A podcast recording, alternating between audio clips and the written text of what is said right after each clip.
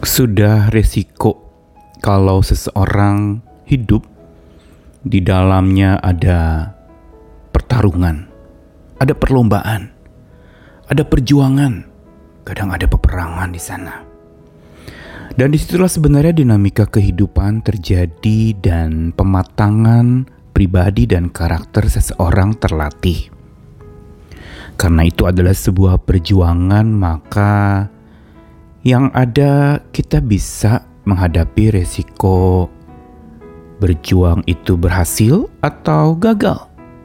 Namun juga di dalam pertarungan bisa jadi ada sebuah pencapaian kemenangan yang penuh dengan sukacita, tetapi juga ada masa-masa di mana kita diizinkan atau dilatih justru lewat kekalahan-kekalahan. Tetapi memang manusia sulit untuk menerima kekalahan. Sulit juga untuk menerima kegagalan. Padahal ini merupakan satu resiko. Setiap perjuangan tidak selamanya menang, juga tidak selamanya kalah. Resiko perlu ditanggung. Dan pribadi-pribadi yang matang justru akan siap menanggung resiko itu dengan sikap yang dewasa. Dan di dalam kita berjuang atau bertanding atau mungkin bertarung dan berlomba, kita butuh dua hal, yaitu pasti kita butuh support, kita butuh dukungan. Jangan pernah merasa berjuang sendiri itu adalah sesuatu yang kita mampu lakukan. Kita butuh orang lain. Kita yang pasti juga dalam iman percaya kita butuh Tuhan. Kita butuh support dari Yang Maha Tinggi supaya kita juga tidak berhati tinggi. Dan selain support, kita juga butuh untuk satu sikap menghadapi resiko-resiko dari perjuangan dan perlombaan kita, kita perlu sikap sportif. Bukan saja support dari Tuhan yang suportif itu yang begitu mendukung dan bersifat mendukung atau dari sekeliling kita yang mendukung, kita juga butuh bersikap sportif. Yaitu apa? Jujur, terbuka, legowo menerima kekalahan yang kita hadapi.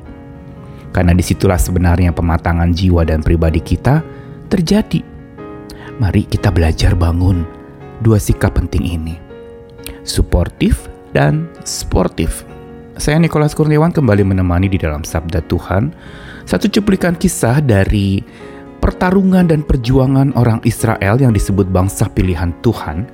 Kali ini di dalam babak awal dari padang gurun di mana Tuhan menyatakan kuasa dan hukumnya kepada Musa sementara menunggu orang Israel justru kalah di dalam pertarungan hidup mereka.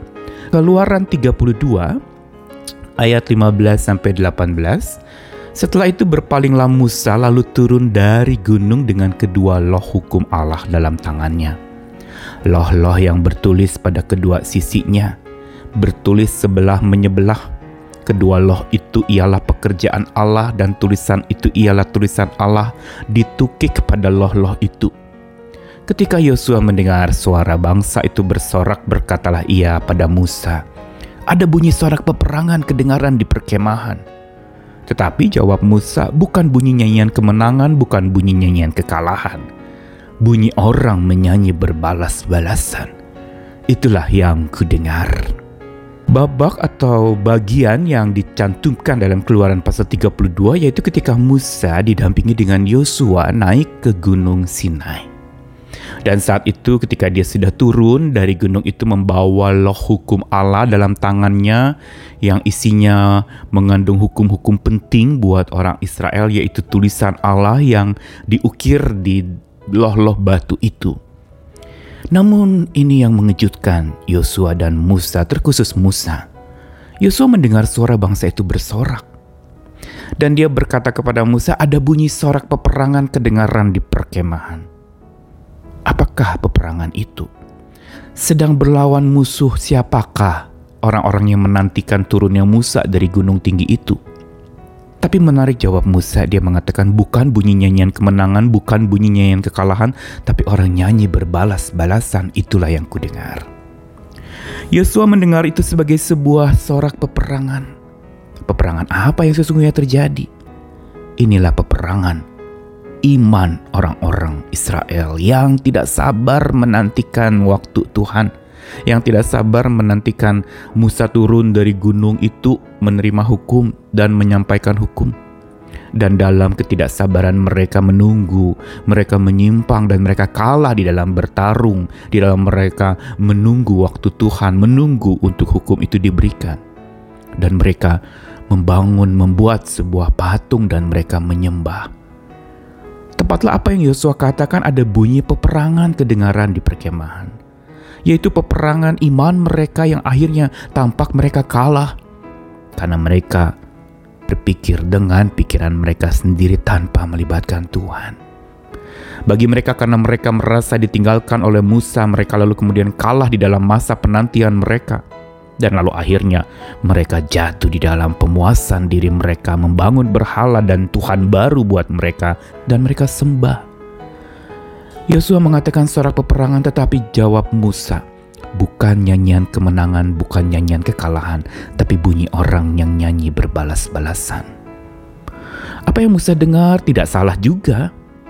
Kalau Yosua dengar suara peperangan sementara Musa mendengar nyanyian, tapi nyanyian apa? Sebuah nyanyian sorak-sorai bukan menyembah Tuhan tetapi menyembah yang bukan Tuhan. Mereka juga bukan lalu sebenarnya merayakan kemenangan atau menyesali kekalahan. Karena keduanya itu sebenarnya bukan bagian penting buat mereka.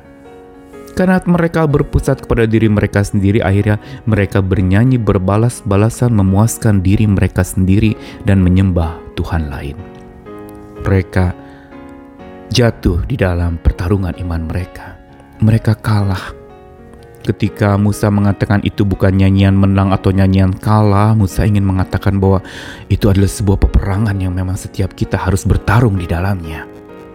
Kalau kita kejar hanya menang dan kalah saja, sebenarnya kita jatuh di dalam satu fokus yang salah di dalam hidup. Karena sebenarnya bagi Musa bukan menang atau kalah yang patut dibanggakan atau disesalkan tetapi Tuhan Sang Maha Menang yang patut ditinggikan dan itu yang diabaikan oleh orang-orang yang mengejar menang atau menolak kalah.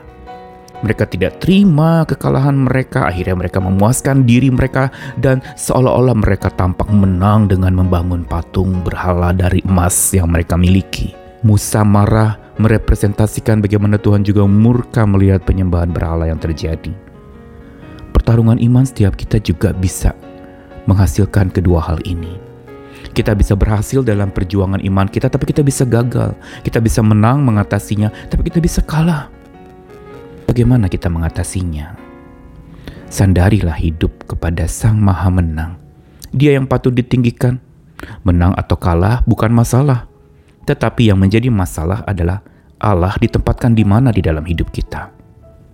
Dan kalau kita tempatkan Tuhan di tempat yang tepat dalam hidup kita, Dialah sebenarnya Sang Maha Menang yang dapat menumbuhkan dua sikap yang tadi saya katakan, suportif dan sportif. Sikap saling mendukung, masing-masing menjadi supporter buat sesamanya, saling menguatkan. Kenapa? Karena mereka sudah dikuatkan oleh Tuhan yang Maha Tinggi. Dan bukan itu saja, mereka juga menjadi saling sportif.